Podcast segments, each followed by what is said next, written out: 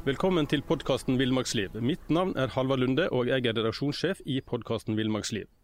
Gjesten vår i dag blir beskriven som en pioner. Stikkord er klatring, friluftsliv og undervisning. Ole Einang har vært tilsatt ved Høgskolen i Volda i en mannsalder. 28 år, faktisk, den meste av tida som høgskolelektor. Han har vært knytt til Svalbard siden 1981, det blir 40 år. Først via Sysselmannen på Svalbard for å holde kurs om sikkerhet og redning på bre og ved snøskred. Senere som veileder og faglig ansvarlig for eh, Longyearbyen Rød Kors hjelpekorps i et samarbeid med Sysselmannen, og nå sist brekurs og skredkurs for studiet Arctic Nature Guide under Høgskolen i Finnmark. Legger vi til eh, seks eh, klatreekspedisjoner i Himalaya, skredkurs for både Røde Kors nasjonalt og Forsvarets krigsskole og mye annet, så snakker vi her altså om og med en mann med mye erfaring. Ola, var det en grei start? Ja, det var greit. En kan sikkert diskutere disse seks uh, klatreekspedisjonene ja. uh, hvis en vil. Fordi uh, Nepal er veldig klar på hva som er ekspedisjon og hva som ikke er ekspedisjon på fjell. Men, men, men, det er det vel ikke så mange som vet om. Nei. Nei. Men uh, uansett, vi skal, vi skal for så vidt tilbake dit, for vi skal starte på toppen. For den 19. april 1985 så våkna du og Rolf Høybakk og Håvard Nesheim i leir fire på Mount Everest. Og målet for dagen var å være de første nordmennene på toppen av verdens høyeste fjell. Hva var slags tanker som gikk gjennom hodet ditt den, den dagen, Ola? På morgenen da, eller på natta, det var jo på natta vi, vi skulle starte. Eh, jeg må si at jeg har problemer med å huske hva jeg tenkte. Men jeg, jeg, antar at jeg tenkte at det skulle vært godt å ha noen, noe mer tid i soveposen. Det var jo svinkaldt, og eh, vi hadde jobba hardt dagen før ved å etablere leiren i Sydskaret. Vi hadde båret stein, flytta forholdsvis store steiner for å, å forankre teltet. Så vi var Ja, det hadde vært godt å sove en stund til. Ja. Hadde du noen tanker om at, at du skulle liksom nå, nå toppen den dagen? Nå får du bladet Villmarksliv rett hjem i postkassa i tre måneder for kun 99 kroner. I Villmarksliv kan du lese om norsk natur, ærlige tester av klær og utstyr, og mange gode turtips skrevet av erfarne friluftsfolk, fiskere og jegere. Send SMS VILL36 til 2205 og motta bladet allerede neste uke. Lev livet villere med bladet Villmarksliv. Planning for your next trip? Elevate your travel style with Quince. Quince has all the jet-setting essentials you'll want for your next getaway, like European linen, premium luggage options, buttery soft Italian leather bags, and so much more. And it's all priced at 50 to 80% less than similar brands. Plus, Quince only works with factories that use safe and ethical manufacturing practices. Pack your bags with high-quality essentials you'll be wearing for vacations to come with Quince. Go to quince.com slash trip for free shipping and 365-day returns. Ja, men det, det, hadde vi jo for så vidt i, i dagvis og ukevis. Ja. Ja. Så det var, var, en del av veien, dette her, da. Ja. Og, og Sydskade, det, det der leir fire lå, det er på ca. 8000 meter og blir vel i boka til Ness, som jeg leser, så, så blir det beskrevet som den mest forblåste plassen på jord? Ja, mest ensomme og mest forblåste. ja. ja. Det ligger på ca. 8000. Ja. Ja, ja. Men eh, det som skjer er at ca. 100 meter fra toppen så må dere snu. Og kan du fortelle litt om hva slags eh, vurderinger og hva, hva, slags vær det var som gjorde at dere liksom måtte avbryte så, så nær å nå toppen? Eh, da vi begynte å gå, så var det, var det klart og fint. Når vi kom opp på sydøstryggen, så eh, kom eh, sola over Tinda fjell, både i, i Tibet og en del i Nepal. Det lyste av Lotse, som var nabo. Mm. Men så, så, begynte det å trekke skyer, og med stor hastighet. Det er jo disse, her, disse her jetstrømmene som av og til går ned i toppen på mm. Everest. Mm. Så vinden økte og økte til vi kom til skytoppen. Da hadde Ralf allerede funnet ut at dette her ikke gikk. Så han snudde og begynte å gå ned igjen. Mens Håvard og jeg prøvde et stykke til bortover Eggen, men eh, det gikk ikke an å røyse seg opp. Vinden bare økte og økte. Så vi måtte bare komme oss tilbake til skytoppen og, og ned og mer i lya for vinden. Ja. Hva som hadde skjedd hvis dere hadde fortsatt? Hadde dere liksom blåst, blåst av toppen da, til slutt? Ja, sjansen er stor for at vi hadde blåst av veggen der og, og havna inn i Tibet og Kina, og det hadde vel ikke vært så bra. Nei, da hadde ikke du sittet her i dag, sikkert.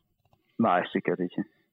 Men i, um, i boka 'Drømmen om eh, Mount Everest', forfatta av da forretningsmann Arne Næss jr., eh, som var både eks ekspedisjonsleder og sponsor, får vi kalle det, der dukka jo ditt navn veldig tidlig opp. Og, og, du ble valgt ut til å delta i det som vi vel må kalles en treningsekspedisjon til eh, Numbur i Nepal. Hva var det som gjorde at Arne eh, så tidlig peka på deg? Ja, jeg har vel alltid vært veldig glad i snø og is. eh, og uh, ja, klippe innimellom mitt klatring i, i fjell. Og uh, særlig det med snø og is har, vært, har jeg vært veldig glad i. og det var jo en del som kjente meg for det, da. Mm. Så kjente jeg rimelig godt professor Arne Næss. Og, og jeg hadde også mye med Nils Forlund å gjøre, som igjen også hadde mye med, med, med professoren å gjøre. Mm. Så jeg regner med at uh, den yngre Anne eh, kom via uh, professor Ness og Nils til, mot meg. da. Mm. Og, og de, de, visste at særlig Nils og Arne, gamle Arne, visste at jeg var, var seig, kunne holde ut lenge, kunne bære nesten hvor mye som helst. Mm. og sånt, så er jo kort og brei og kan lastes med mye. ja, Bygd for å bære tungt? Ja, ja. ja. Uh, og bare for å oppklare her, altså Professor Næss det er jo da onkelen til Arne Næss jr. som uh, ja. og, og, junior han døde jo i en klatreulykke i, var det i, på 90-tallet, tenker jeg? nei, 2000 og, var det 2004, da. Ja, OK. Ja. ja. Jeg lurer på det i, i, i Sør-Afrika. Ja, det er riktig. Ja. Men uh, i samme bok så forteller jo han uh, Arne også om en episode der han og Ralf Høybakk samla det de sier de 25 beste klatrerne i Norge for å fortelle om ekspedisjonen, men også for å rekruttere et lag på en åtte-ni personer. Og Der beskriver han liksom hvordan samtlige må liksom fylle ut et slags sånn spørreskjema. da, og peke på andre klatrere som de kunne tenke seg å, å ha som lagkamerater. Eh, kan du si litt mer om hvordan, hvordan, eh, dette laget som skulle på Mount Everest ble valgt ut? Ja, det var jo litt som du uh, sier der, men, men uh, i, uh, på den tida, altså i 84, så var ikke det norske miljøet når, når det gjaldt alpinklatring så veldig stort. Og de fleste kjente til hverandre. Mer enn en kanskje gjør i dag. Ja. Uh, så, så, det virka jo inn der, da. Uh, men vi diskuterte en del, og så Arne valgte ut da ut fra, fra det. Mm. hadde jeg kommet til det møtet uten å ha vært på Numbur-ekspedisjon, mm. så er det vel ikke sikkert jeg hadde blitt valgt ut. Det var ikke så mange, mange av de andre som Nei. kjente meg. Men, men etter Numbur ble jeg faktisk spurt av Arne, Arne og Ralf i eh, Katmandu om jeg kunne tenke meg å være med på Everest. Ja, Så du ble spurt før dette møtet, altså? Ja, ja. det ble det. Ja. Så det var vel, uh, Ralf var jo innrulla uh, i utgangspunktet, og så spurte de to mer om jeg kunne tenke meg å være med. Ja. Og Det var vel ut fra at uh, Ralf og jeg hadde vært en del sammen i fjellet på, på Numbur. Ja. Ekspedisjon. Både bodd sammen og klatra sammen. Ja. Ja. Takka du ja med en gang? Nei, jeg tror jeg måtte tenke ha ei øl først. Ja. Men det ble, ikke ikke så lenge før jeg sa ja. ja. Men vi skal litt tilbake til toppen. Vi, for den, den, 20. april, tror jeg det var, så når det var gruppe to som skal på toppen. Det er Bjørn Myhre Lund og så en engelskmann som var med i gruppa, Chris Bonington og Odd Eliassen. De klarer nå toppen av Mount Everest, og ni dager seinere så står jo han som betalte for turen, Arne Næss, på toppen sammen med Stein P. Aasheim, og Ralf Høybakk eh, og Håvard fikk prøve seg igjen. Eh, og du står igjen, eh, altså med andre ord igjen som den eneste som ikke nådde toppen. Og i, i, boka til Arne så kommer det jo godt fram at han hadde dårlig samvittighet for dette, og han skriver vel at du ofra deg for laget ved å påta deg å holde oppe brefallet, altså det er stien får vi kalle det, mellom hovedleiren og leir 1, slik at resten av laget kunne komme seg både trygt opp og ned. Hva, hva tenker du om det i dag? Føler du at det var et offer? Uh, da, da, må en gå litt, litt tilbake. Allerede på vei til Everest så jeg var intervjua av en fra Aftenposten og jeg sa at for, for, meg så er ikke det viktigste å kunne stå på toppen. Det viktigste det er å klatre i fjellet, være mm. i fjellet og bo i leirer. Mm. Du kan hende det går an å finne igjen sitatet. Det var omtrent sånn, sånn jeg sa det. Og, og, slik er det. For, for meg så var, var, det første forsøket uh, det store. Ja da vi etablerte Leira Ralf og jeg la, tau i, eh, i lotseveggen. Vi etablerte leir i Sydskaret. Vi bar ekstra oksygen til sydøstryggen.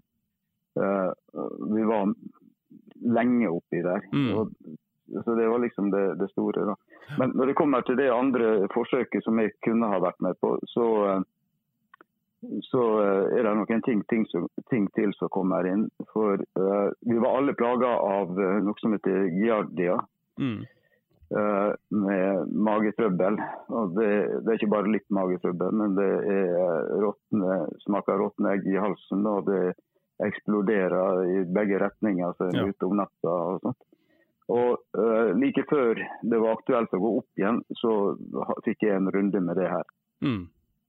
Så jeg var veldig lite opplagt på å gå. Ja. Uh, og dermed så avventa jeg litt. Og så, begynte, så, ble det mildere, og uh, deler av ruta i isfallet begynte å falle sammen.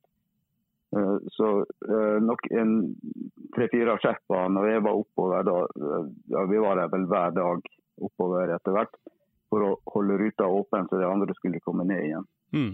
Øverst, øverste del av ruta i isfallet den kollapsa fullstendig. slik at vi måtte legge ny rute uh, opp siste biten for å mm. koble oss på leir 1. Så, så, så offer Nei, det var nok ikke offer, men det er rett at jeg jobba temmelig mange dager i isfallet sammen med sjefene for å, å, holde det åpent. Det er ja. riktig. Kan du beskrive litt hvordan liksom, brefallet, hva, hva snakker vi om her? Uh, ja, en kan bruke Ralf sin uh, beskrivelse etter å ha vært der oppe første, første gangen. Altså at uh, brefallet på Kumbu Icefall er, det er som en tiger. Ja. Utrolig vakker, men livsfarlig. Ja. Det var jo, det er jo veldig stor hastighet på den breen der. og, og det året vi var der, i 85, så var det lite snø, veldig mye is. Mm. Og eh, Vi sprakk opp faste tau og kom tilbake igjen når tauene var slitt av. Eh, vi hadde, hadde aluminiumstiger over enkelte plasser, og de var krølla sammen. og så Det skjedde noe hele tida der. Mm. Men det, det var ja, Isfallet på Everest er vel kanskje noe av det flotteste jeg har styra med. Ja, Den slett ikke ufarlig? Nei, veldig, veldig farlig. Ja. Så de, de, fleste vil ikke gå mer enn én en gang gjennom isfall. Eller to, da. Én gang opp og én gang ned. Ja. Hvor, hvor, mange ganger gikk du, da? Det er nesten pinlig å si det, men jeg har notert, jeg husker at jeg hadde notert i ei dagbok at jeg var 16 ganger oppover isfallet. Oi. Totalt. Men uh, ikke alle får helt til toppen. Nei. Nei. Nei, det er utrolig. Men eh, ekspedisjonen til Ness han ble jo, det ble jo en, en kjempesuksess. Eh, og Vi snakka litt om det før vi begynte, her, at det var jo, jeg husker det jo godt, eh, for det var jo massiv medieomtale i Norge. For det var jo den første norske ekspedisjonen som nådde toppen av verdens høyeste fjell. Den første skandinaviske, faktisk. Og aldri mm. tidligere hadde vel så mange klatrere og, og sherpa vært på toppen så tidlig. Det var ingen uhell. Mm. Og det var vel heller ikke rapportert om store interne problem si, i, i klatrelaget, sånn som det kanskje kunne være. Hvordan var egentlig stemninga under ekspedisjonen? Var det, var det, like problemfritt som, som det kanskje fremsto utad? Ja, det var faktisk det. Det var en veldig god stemning hele, hele veien oppover. Det var ingen, ingen, store konflikter, og det var ingen som prøvde å presse seg frem. Jeg vet at på enkelte ekspedisjoner Nå er, nå er jo alt annerledes når det gjelder Everest, men, men, på enkelte tidligere ekspedisjoner så var det folk som sparte seg for uh, isfallet, og prøv, men allikevel prøvde å komme i uh, posisjon til å komme tidlig ut til toppen. Mm. Men det var ingen sånne ting. Det, og det er jo typisk at Arne venta til siste runde med å gå opp. Og uh, han kunne jo risikert at, uh, at, det ikke gikk, da. Mm. Uh, så Arne var en, en, meget god leder på dette. her. En, kan sikkert si forskjellig om han som forretningsmann, men som, som, leder på en ekspedisjon så var han, var han meget uh, dyktig og meget behagelig.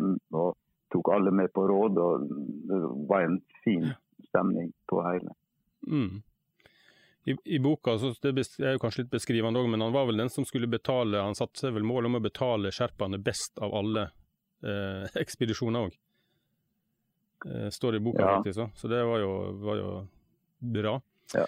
Men, det, han, det han sa ganske tidlig, det var at eh, vi prøver å få sponsorer. Hvis det ikke går, så betaler jeg det. Mm.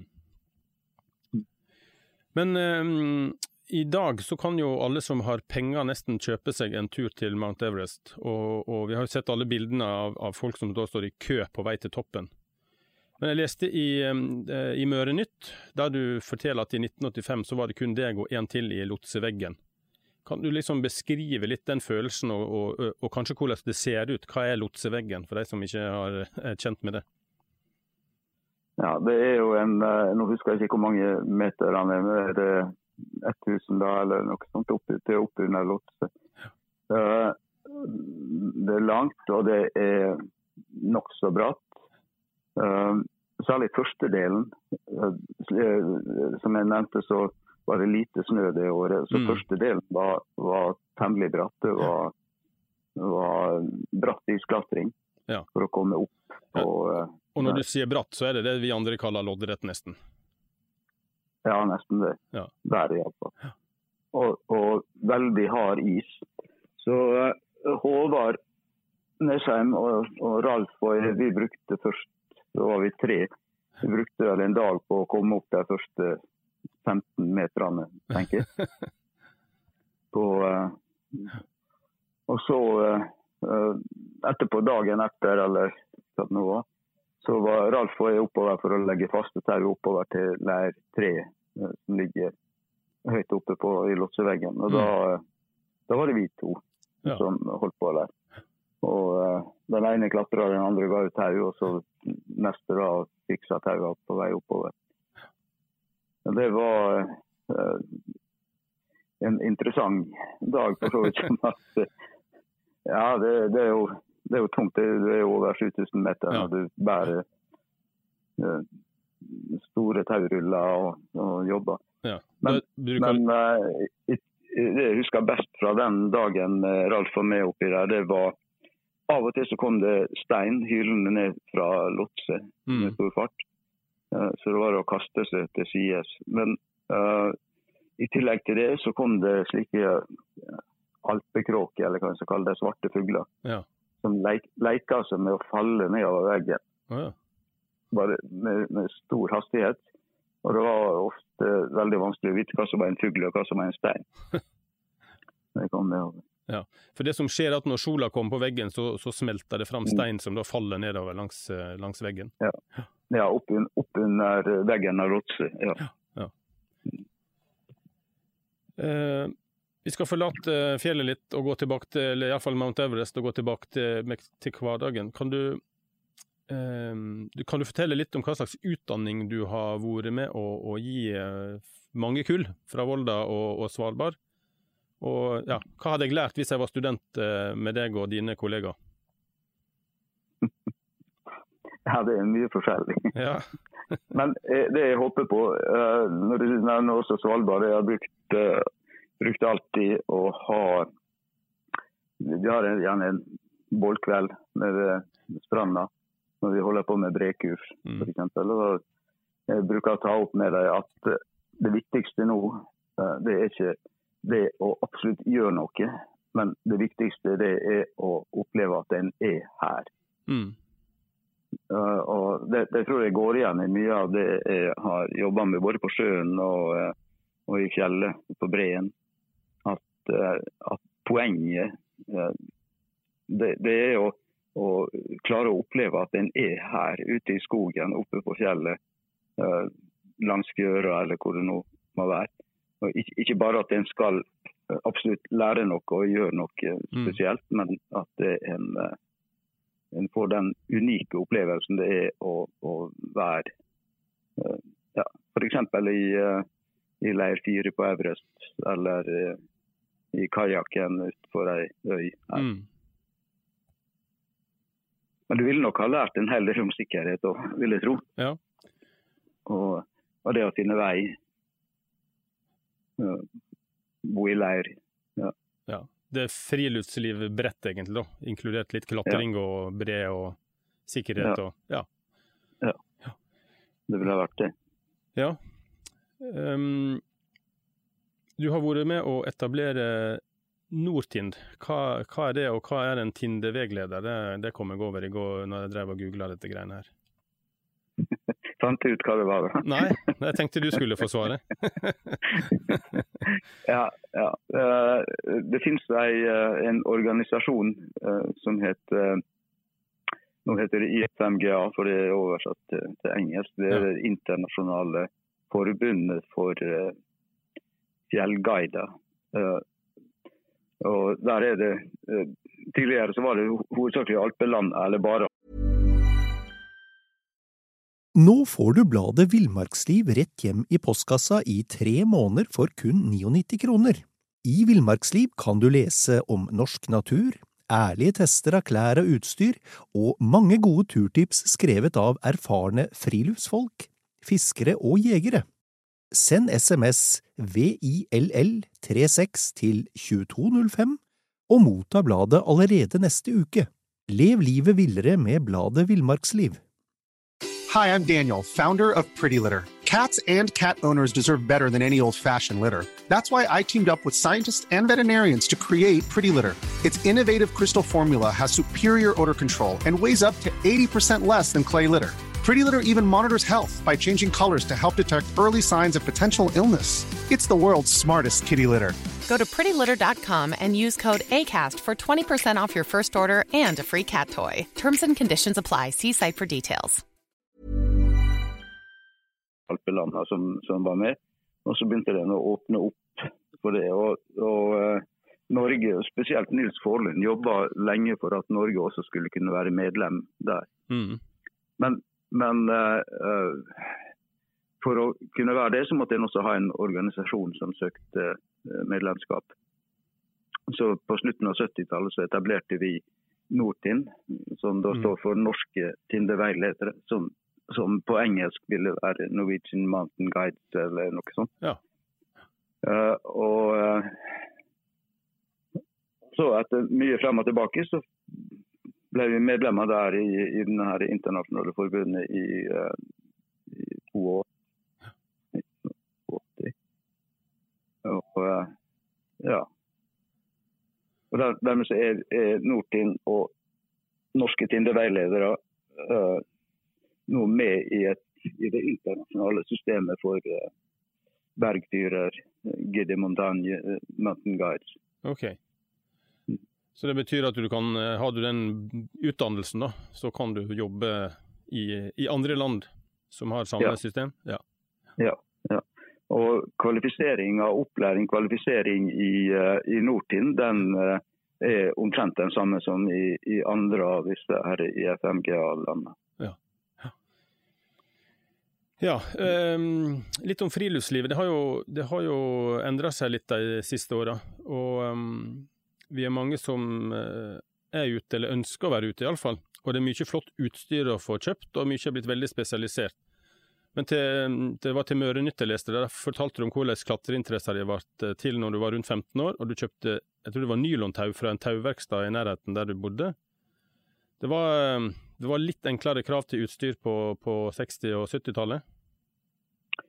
Ja, det var det, men det var jo, det var jo stort at uh, en gikk fra hampe, hampetau til nyløpet. Ja, det var en revolusjon. Men de produserte, de produserte sånt på den reperbanen som var min nabo i, ja.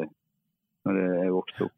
Det gjorde jeg. Nei, uh, det er jo flere ting inne i det bildet. Blant annet så uh, De hadde ikke så mye så god råd på den tida. På tidlig 60-tall. Eh, så vi laga jo, jeg, jeg laga min første isøks sjøl, Jaha. smidde og sto i. Hva du laga, hva du laga denne, da? Nei, Det var jern med treskaft. da. Jaha.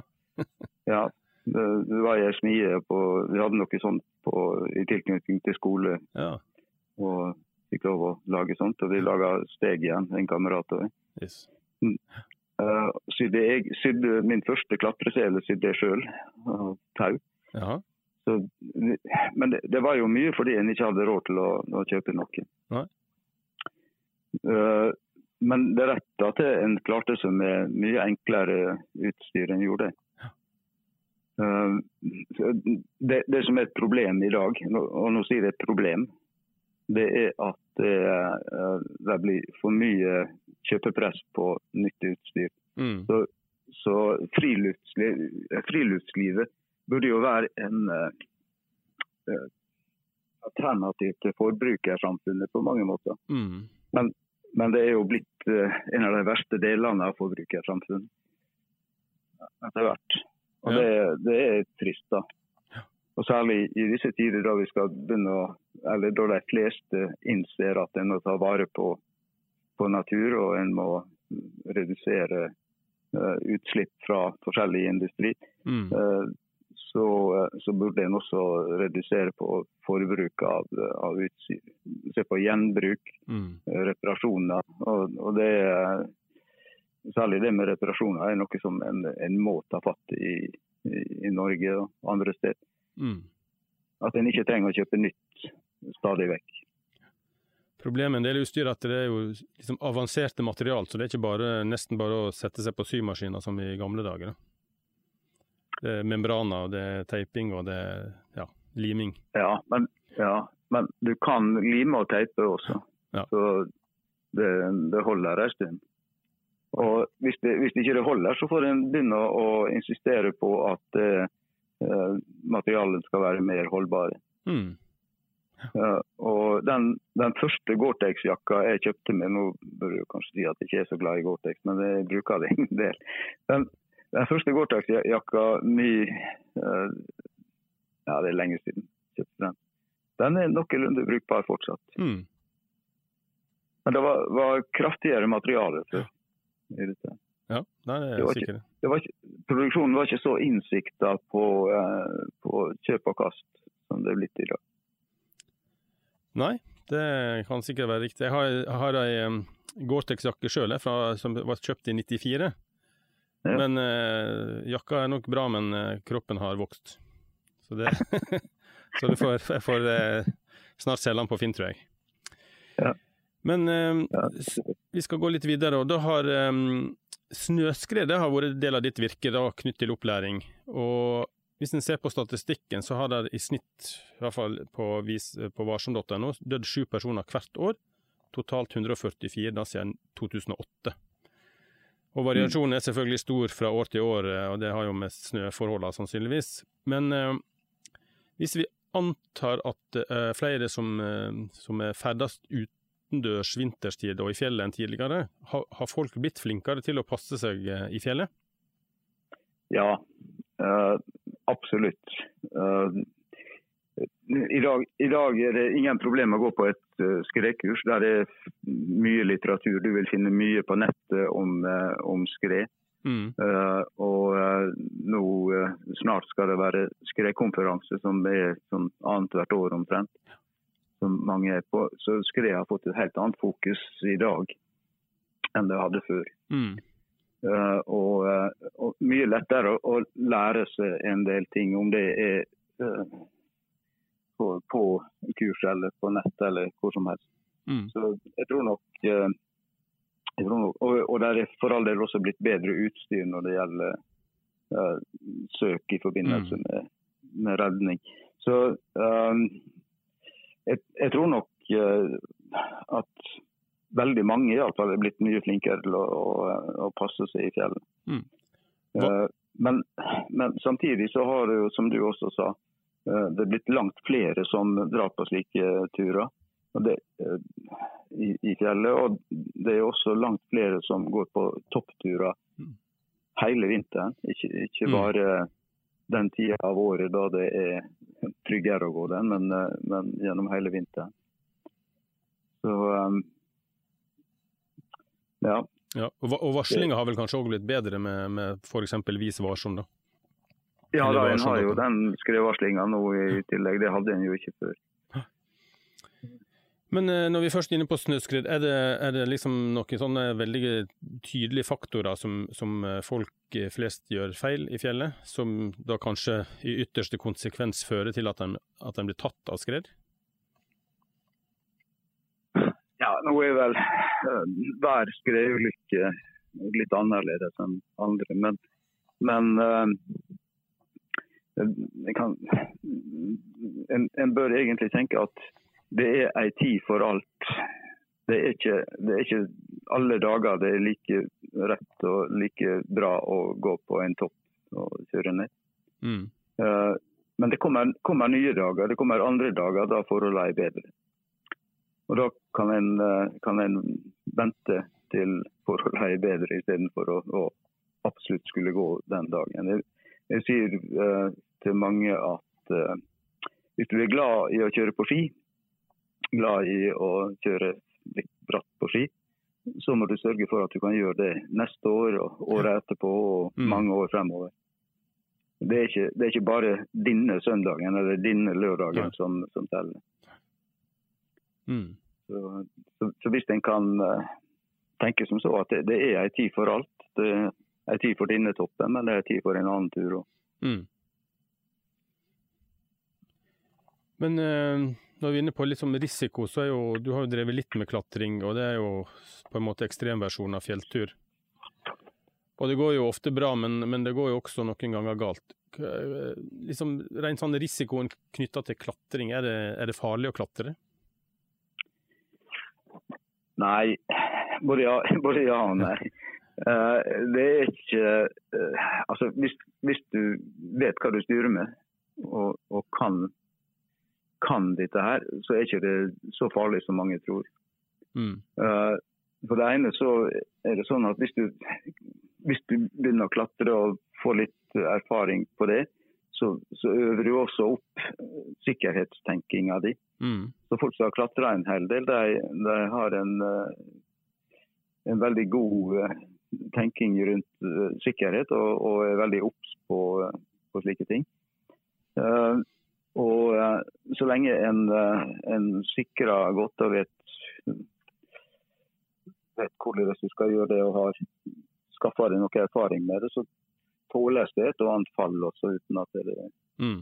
det går galt. Så, så, det er ikke Ja, det er farlig, men det er kanskje ikke så farlig som mange uh, tenker seg av de som bare ser bildet og ser på, på TV eller hvor det skal mm. være. Mm den sikkerhetstenkninga som er viktig, da?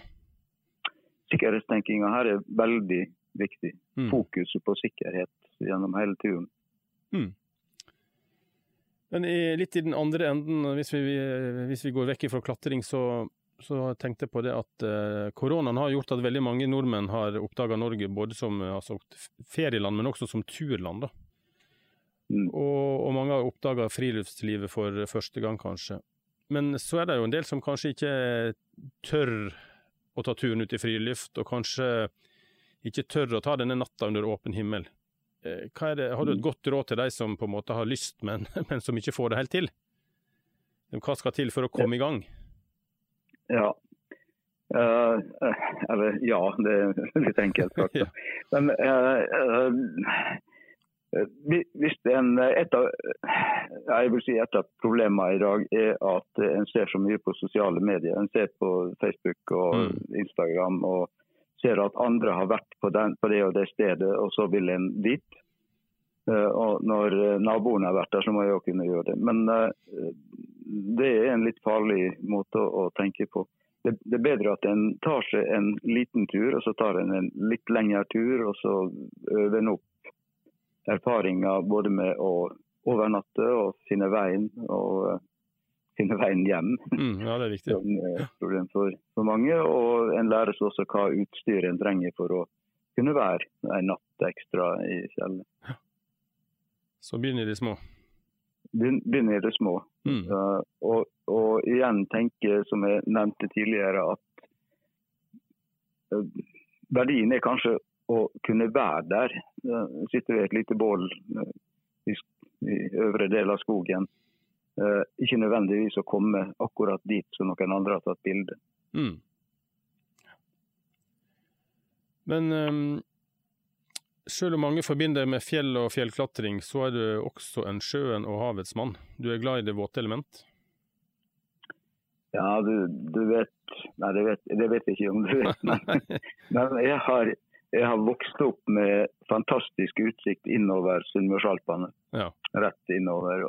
Men jeg har vokst opp med, med sjøen like ned for huset. Og jeg har brukt båt fra jeg var liten. Og ja. har liksom alltid hatt tilgang på en båt. Så uh, som jeg sa til noen andre, jeg er litt uh, hermetegn schizofren på det feltet. Mm. Uh, jeg, klarer, jeg, klarer, ikke å gi slipp på, på sjøen og havet. Men uh, samtidig så har fjellet vært der og lokka og lokka. Mm. Og med sjøen, da er det både kajakk og kano og båt og fisking og alt? Ja, ikke så mye, ikke så mye kano, men uh, jeg padler en hel del. Og ja. jeg har seilbåt. Og, og, og, jeg liker også veldig godt å ro og uh, ja, fiske ja. og være, vær på sjøen. Ja. Og Da er det igjen dette her å være der som betyr mye. Og nå, Du beskrev noen geografiske punkter med Summersalpene. Da kan du jo kanskje si hvor du har vokst opp hen òg, da?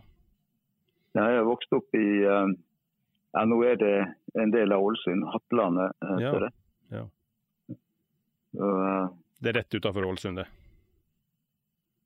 Ja, det var rett utafor Ålesund. Ja, nå er det en del av Ålesund. nå er jo Ålesund blitt noen svære greier. Ja. Ja, men ja, i alle fall så eh, er det et av de stedene der du har flottest utsikt innover Gjørundfjorden mm. og Gjørundfjordfjellet. Ja. Men um, Ola, du er, du er, blitt 75 år, og um, i sommer så måtte du avslutte et langt og aktivt yrkesliv, iallfall det jeg har lest. Uh, men, men uh, du har ikke hatt så veldig stor lyst til å bli pensjonist? Nei. Nei, hvorfor skulle det? Nei, si det. Nei, jeg, jeg, trives med jeg trives med å undervise og eh, Det å være ute sammen med studenter på et eller annet er fantastisk fint. Nå eh, i høst, etter at jeg egentlig skulle være ferdig slutta, så var jeg eh, sammen med studenter på Svalbard på Bre. Mm. Vi hadde ei uke på Nordenfjellbreen. Og så har det vært fire uker på sjøen med studenter. ved å seile og styre med forskjellig. Og, og det det å jobbe sånn, det er veldig flott. Det, mm. Jeg tror aldri jeg ville blitt lei av det. Om jeg, skulle, om jeg, nå skulle, fortsette ti år til. ja, men det får ikke du lov til. Det, reglene er sånn. Du, du, måtte slutte, faktisk. Jeg måtte slutte, ja. Jeg fikk ikke lov lenger. Nei. Nei. Syns du det er litt rart at vi har sånne regler? Ja, ja. det, det syns vi. Det, er ei, ei en grense eller en alder der, en, eh, der, det var greit og enkelt å, å pensjonere seg hvis en følte at nå uh, orker ikke mer. Men, men uh, samtidig så burde det være mulig for de som er interessert og har en hel del kompetanse på feltet, å kunne fortsette en stund til. Mm. Så lenge det var behov for personen. Og, og, ja, som sagt, jeg har vært etter at jeg ble pensjonert, så har jeg vært engasjert inn igjen da fordi jeg har kompetanse på disse tingene. Mm. Mm. Ja, det er jo ingen forbud mot å, å bidra også etter du er 75, på har sagt eh, e egen hånd, da. Så det har du lov til. Neida, det, det, det, regner kanskje med at det skjer òg? Det gjør det helt sikkert. Men ja. eh, Vi skal begynne å runde litt av her, men, men du, har jo, du, har jo, vært med mange turer og ekspedisjoner, og kanskje besøkt flere fjell enn de fleste av oss. Har du, har du liksom én tur eller én topp som, som, på en måte står fram som den aller, aller fineste? Ja, det er ikke så enkelt det der. Det er veldig mange flotte, veldig flotte topper. Men hvis du sier flott topp og, og tur Jeg kommer ikke utenom uh, Dragnari. Ja. I, uh, på grensa mellom uh, Kumbu og Rollvalling. Uh, et fantastisk flott, vakkert fjell. Um, og der, der, det var sånn som passa for meg, med snø, is, klippe. Mm. Og, så, så det, det, står vel på gjerdet, det er en, en Everest. Men, men, men, kanskje også fordi jeg gjorde et stunt på slutten. Um, da vi begynte å avrunde oppe i, på øverste leiren, så uh, lå det fortsatt igjen en hel del tau oppover veggen der, opp, Mm. opp mot den øverste ryggen. Og uh, når de andre begynte å gå ned, så sa jeg at jeg ville opp og renske. Så jeg var alene uh, oppi den veggen og renska tau en, en dag. Uh, leirene forsvant nedover, det var bare jeg som var der. Veggen var drithvitt av nysnø Mm. og med utrolig ja, og sol og utrolig eh, utsikt eh, rundt meg. Og henge der og, og renske ned tau og sikringer regne, det, det gjorde også dette fantastisk flotte, vakre fjellet til eh, noe som jeg aldri kommer til å glemme. Mm. I Norge, da, hvis du måtte plukke ut en i Norge, da, uten å kanskje fornærme noen? Farlig, det her. Det der er farlig. Ste Stetin er et uh, utrolig vakkert fjell. Ja. Men uh, jeg har også noen favoritter i, uh, i Ørundfjorden. Og, uh, og en av dem er utrolig nok Velleseterhorn. Ja. Der er også litt bred. Det er uh, litt bratt snørenne. Det, det, det er et enkelt fjell. Uh, på sensommer og høst så bør du ha, um, ha med tau og isstegen. Ja. Men, uh, men det er et sånn, ja, skikkelig høyalpint fjell. Mm. Veldig flott. Og tau og isøks, da skal ikke du gå alene, med andre ord? Nei, ja Iallfall hvis du skulle gå i tau, så bør du ikke være alene. Men, men jeg ville iallfall hatt, uh, hatt stegen og isøks. Det, av og Tidligere på sommeren så er det såpass snø at du kan sparke trinn. Isøks ville jeg hatt uansett. Men uh, en del sprekker må du finne vei rundt eller forbi. Mm. Så, fordel. Men Jeg har, jeg har vært der på tidligere på våren alene uten, uten tau, men uh, isøksa vil jeg gjerne ha med. Mm. Da er det litt bratt, med andre. Nå får du bladet Villmarksliv rett hjem i postkassa i tre måneder for kun 99 kroner. I Villmarksliv kan du lese om norsk natur, ærlige tester av klær og utstyr, og mange gode turtips skrevet av erfarne friluftsfolk, fiskere og jegere. Send SMS VILL36 til 2205 og motta bladet allerede neste uke. Lev livet villere med bladet Villmarksliv. Imagine the softest sheets you've ever felt. Now imagine them getting even softer over time. That's what you'll feel with Bowl and Branch's organic cotton sheets. In a recent customer survey, 96% replied that Bowl and Branch sheets get softer with every wash. Start getting your best night's sleep in these sheets that get softer and softer for years to come. Try their sheets with a 30-night guarantee. Plus, get 15% off your first order at bowlandbranch.com. Code BUTTERY. Exclusions apply. See site for details. Even when we're on a budget, we still deserve nice things. Quince is a place to scoop up stunning high-end goods for 50 to 80% less than similar brands. They have buttery soft cashmere sweaters starting at $50, luxurious Italian leather bags, and so much more. Plus, Quince only works with factories that use safe, ethical, and responsible manufacturing. Get the high-end goods you'll love without the high price tag with Quince. Go to quince.com slash style for free shipping and 365-day returns. Ja. eh, ja særlig jeg, jeg renner opp til, mot toppen, så er det litt bratt. Mm. Men da, mm, da tror jeg det kun gjenstår for oss å si eh, lykke til til deg, Ola. Og ja, lykke til som pensjonist da, i hermetegn. Og så får vi si fortsatt god tur. Jo, takk for det.